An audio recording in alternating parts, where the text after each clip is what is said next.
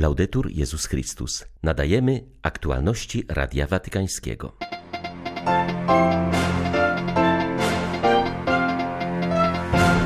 Wzrastamy dzięki dobremu wykorzystaniu naszego czasu, powiedział Franciszek w wideo przesłaniu na Światowy Szczyt Turystyki Młodzieżowej. Ojciec Święty mianował nowego biskupa pomocniczego w diecezji zielonogórsko-gorzowskiej. Został nim ksiądz Adrian Put. Ostrzeliwanie obiektów cywilnych na Ukrainie to największy akt terroryzmu w Europie w ostatnich dziesięcioleciach, mówi w codziennym orędziu wojennym arcybiskup Światosław Szewczuk. 28 czerwca witają Państwa Marek Krzysztofiak i Krzysztof Bronk. Zapraszamy na serwis informacyjny. Franciszek skierował wideo przesłanie do uczestników Światowego Szczytu Turystyki Młodzieżowej zorganizowanego przez Światową Organizację Turystyki przy ONZ. Wzrastamy dzięki dobremu wykorzystaniu naszego czasu, powiedział papież. W spotkaniu w Sorrento we Włoszech bierze udział 130 osób z 60 krajów. Jest to pierwsze spotkanie tego typu. Szczyt obejmuje kursy, panele dyskusyjne i sesje, podczas których uczestnicy będą mogli nawiązać bezpośredni kontakt z przedstawicielami ONZ oraz ministrami turystyki z wielu krajów. Do młodzieży zwrócił się w krótkim wideo przesłaniu Ojciec Święty. Franciszek docenił kreatywność w spędzaniu czasu letniego przez młodych ludzi i podkreślił, że dzięki temu uczymy się odpowiedzialności. Oprócz rekreacji i odpoczynku wiem, że niektórzy z Was wykorzystują ten czas, aby dobrowolnie pomagać w inicjatywach solidarnościowych. Inni poświęcają się drobnym pracom, aby pomóc rodzinie lub zarobić na studia. Jeszcze inni wygospodarowują dni ciszy i modlitwy, aby być z Bogiem i otrzymać światło na swoją drogę. Zachęcam Was do dobrego i odpowiedzialnego wykorzystania czasu, który macie do dyspozycji. W ten sposób wzrastamy i przygotowujemy się do podjęcia bardziej wymagających zadań. Papież mianował nowego biskupa pomocniczego diecezji zielonogórsko-gorzowskiej. Został nim ksiądz Adrian Put, proboszcz parafii świętej Jadwigi Śląskiej w Zielonej Górze. Biskup nominat ma 43 lata, pochodzi ze Szczecina. Do kapłaństwa przygotowywał się w seminarium duchownym w Paradyżu. Na Uniwersytecie Szczecińskim uzyskał doktorat z historii Kościoła. Po święceniach w 2004 roku był wikarym w Lubsku i Gorzowie, redaktorem tygodnika Niedziela, odpowiedzialnym za ruch Światło Życie oraz proboszczem w Zielonej Górze. Jest członkiem diecezjalnej Rady Duszpasterskiej oraz dyrektorem diecezjalnego ośrodka katechumenalnego. W wyniku ostrzelania przez Rosjan galerii handlowej w Krzemieńczuku w środkowej Ukrainie zginęło co najmniej 18 osób, a 60 zostało rannych. 100 osób uważa się za zaginione. W chwili ataku w budynku znajdowało się ponad tysiąc osób. To największy akt terroryzmu w Europie w ostatnich dziesięcioleciach, powiedział arcybiskup Światosław Szewczuk. Zapewnił o swojej modlitwie w intencji ofiar i ich rodzin. Zwierzchnik ukraińskich grekokatolików zaznaczył, że do równie haniebnego aktu terroryzmu doszło w Lisiczańsku, gdzie Rosjanie zastrzelili cywilów czekających w kolejce po wodę z cysterny. Zginęło co najmniej 8 osób, a 21 jest rannych. Wśród zabitych znalazł się kilkunastoletni chłopiec. Oprócz tego ostatniej doby doszło do licznych ataków rakietowych, między innymi w Charkowie, gdzie jest wielu zabitych i rannych. Dziś rano pociski spadły także na Mikołajów. W swoim codziennym przesłaniu arcybiskup Szewczuk zatrzymał się nad kolejnym owocem Ducha Świętego, jakim jest łagodność. Jak mówi Izajasz, Mesjasz nie musi krzyczeć na placach, wystarczy jego łagodna obecność i wielka moc płynąca z tego, że stał się sługą wszystkich, powiedział hierarcha. Сьогодні під час війни Dziś w tym wojennym czasie można zobaczyć tę łagodność i pokorę w obliczach wielu synów i córek Ukrainy. Kiedy spotykam się z żołnierzami, którzy bronią naszej ojczyzny za cenę swojej krwi i pytam, kim byli przed wojną, wielu odpowiada, że nauczycielami, lekarzami, prawnikami. Niektórzy zajmowali się sportem czy pracowali w innych cenionych zawodach. Ale gdy tylko rozpoczęła się wojna, bez namysłu porzucili swoją pozycję, aby służyć ojczyźnie, uznając to za wielki przywilej. Wielu wraz z rozpoczęciem rosyjskiej inwazji, aby walczyć z wrogiem, powróciło na Ukrainę z zagranicy. Dokonali wyboru sumienia stali się podobnymi do łagodnego Chrystusa, który nie skorzystał ze sposobności, aby na równi być z Bogiem, ale ogołocił samego siebie, przyjąwszy postać sługi. Prosimy dziś, Boże, niech Twoja łagodność będzie naszą siłą. Буде нашою силою. Kościół we Francji zyska w tym roku 117 nowych kapłanów. Większość święceń miała miejsce w ubiegłą niedzielę. Liczba neopresbiterów utrzymuje się w tym kraju na stałym niskim poziomie. Nowych księży diecezjalnych jest 72, zakonnych 21, natomiast 22 należy do ruchów, wspólnot czy stowarzyszeń życia apostolskiego. Sześciu kapłanów zostało wyświęconych do sprawowania liturgii w Starym Rycie Rzymskim. Wśród diecezji tradycyjnie najwięcej neopresbiterów ma Paryż dziesięciu, pięciu niewielka diecezja Van, a czterech prymasowski Lyon.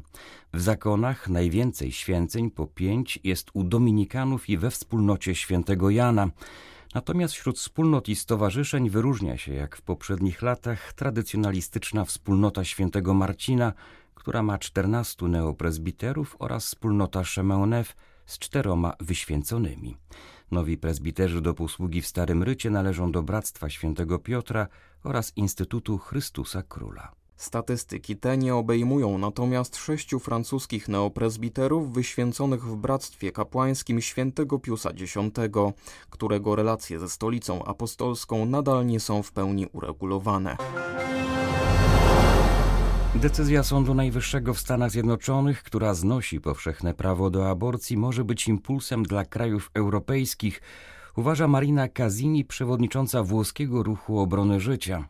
Przypomina, że zakwestionowane orzeczenie z 1973 roku stało się precedensem, który wpłynął na legalizację aborcji w większości krajów europejskich, w tym we Włoszech. Casini przyznaje, że decyzja Sądu Najwyższego nie rozwiązuje w pełni problemu aborcji. Pokazuje jednak, że nie jest ona prawem, które miałoby oparcie w Konstytucji.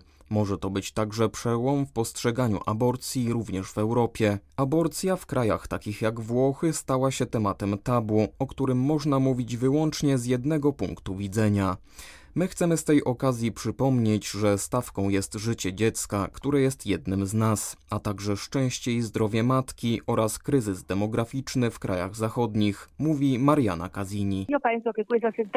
Uważam, że to orzeczenie jest wielkim osiągnięciem, wskazuje drogę prawdziwego postępu i prawdziwej cywilizacji, ponieważ zanegowanie prawa do aborcji jest punktem wyjścia dla odrodzenia praw człowieka.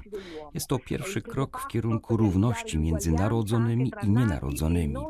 Brakuje już bardzo mało, byśmy uznali, że poczęte dziecko jest jednym z nas. Jest to też okazja, by podjąć głęboką refleksję nad macierzyństwem podczas ciąży. Roszczenie sobie prawa do aborcji stanowi naruszenie tej najbardziej podstawowej międzyludzkiej relacji matki i dziecka. Ma to poważne konsekwencje, bo relacja ta stanowi wzór dla wszelkiej międzyludzkiej solidarności. A zatem dobrze, że zapadła ta decyzja. Nie rozwiązuje ona wszystkich problemów, ale sądzę, że stanowi ważny etap w rewolucji kulturowej, promowanej przez obrońców życia, która krok po kroku toruje sobie drogę. I nie można zapominać, że przez cały ten czas, odkąd obowiązuje prawo aborcyjne, zawsze istnieli ludzie, którzy bronili życia i nigdy się nie poddali. Nigdy nie pogodzą się z aborcją, która zyskiwała społeczne przyzwolenie jako zjawisko masowe, czy wręcz prawo albo świadczenie publiczne. Przyjaciółka, siostra, światło w mrocznych czasach, tak została zapamiętana siostra Luisa Delorto, która zginęła w ubiegłą sobotę na Haiti. Zakonnica została zastrzelona w Port-au-Prince przez bandytów, gdy jechała samochodem. Przez lata włoska mała siostra Jezusa pracowała jako misjonarka, zyskując szacunek i miłość Haitańczyków. Odbudowała m.in. sierociniec Casa Carlo, Pracowała także w seminarium, gdzie prowadziła wykłady. O zmarłej siostrze Luizie mówi Maddalena Boschetti, świecka misjonarka od 20 lat pracująca na Haiti. Była moją przyjaciółką, bardzo mnie wspierała i pomagała przez te wszystkie lata. Pomogła mi żyć w służbie, w ciszy, w ukryciu. Zawsze była w biegu, ale zawsze zachowywała uważność. Miała tytuł naukowy z filozofii, przez lata uczyła seminarzystów chrzestów na Haiti, całe pokolenia księży. Kiedy wracała z seminarium, przyjeżdżała do domu, gdzie wszyscy dzwonili i pukali do jej drzwi. Natychmiast biegła otworzyć, była gościnna i żyła służbą jak Karol de Foucault. Nauczyła mnie żyć w prostocie danego dnia. Uczyła mnie wracać do słowa, do Ewangelii, by słyszeć, co dziś Pan do mnie mówi. sentire eh, cosa mi diceva il Signore.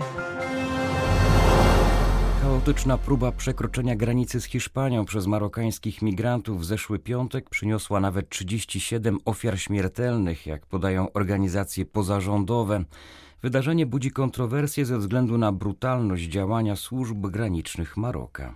Około półtora tysiąca Afrykanów próbowało dostać się do Hiszpanii, nacierając na granicę między Marokiem a Melillą, hiszpańską esklawą w Afryce Północnej. Zdecydowane potępienie masowego użycia siły oraz braku poszanowania godności i praw człowieka znalazło się w oświadczeniu Komisji Konferencji Episkopatów Wspólnoty Europejskiej COMESE, która wzywa do przeprowadzenia wiarygodnego i niezależnego śledztwa w sprawie tego tragicznego wydarzenia. Według Marino D'Amore dramatyczne wydarzenia w Melilli należy rozumieć w świetle nowych porozumień między Hiszpanią a Marokiem. W praktyce Hiszpania uważa marokański plan autonomii z 2007 roku za najpoważniejszą podstawę do rozwiązania kwestii Sahary Zachodniej, rabat gwarantuje ściślejszą współpracę w zakresie bezpieczeństwa i kontroli napływu migrantów. Uważam jednak, że oskarżenie mafii o handel ludźmi skierowane przez premiera Hiszpanii jest wyrwane z kontekstu. Także Algieria jest ważnym graczem w regionie, a przedstawianie Maroka jako sprawcy haniebnych czynów jest żartem. Jest to okazja do obrony swoich interesów wobec społeczności międzynarodowej.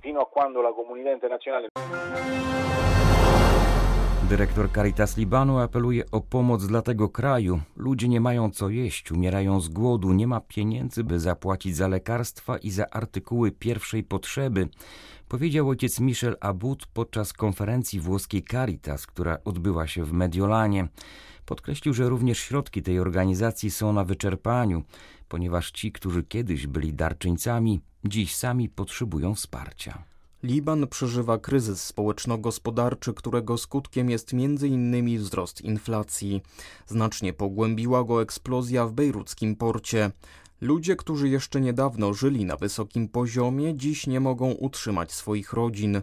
Spotykam wśród nich dawnych handlowców, nauczycieli. Potrzebujemy natychmiastowej pomocy. Nie dajcie nam umrzeć, apeluje ojciec Abud. Wszyscy wiemy, że obecny kryzys ekonomiczny w Libanie nie ma precedensu w historii.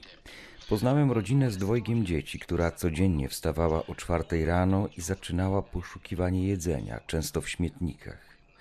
Jeszcze kilka miesięcy temu ojciec tej rodziny pracował w szkole jako nauczyciel. To była prywatna szkoła, która w związku z brakiem funduszy musiała zostać zamknięta. Dowiedziałem się o tej sytuacji z drugiej ręki, ponieważ ta rodzina, która wcześniej miała dochody, a teraz nie ma nic, wstydziła się przyjść do Caritasu po wsparcie. Oczywiście staramy się im pomagać, ale sami nie mamy wiele. Zapewne jest wielu nauczycieli, którzy znajdują się w podobnej sytuacji w związku z zamknięciem wielu prywatnych placówek, nie wspominając o innych branżach.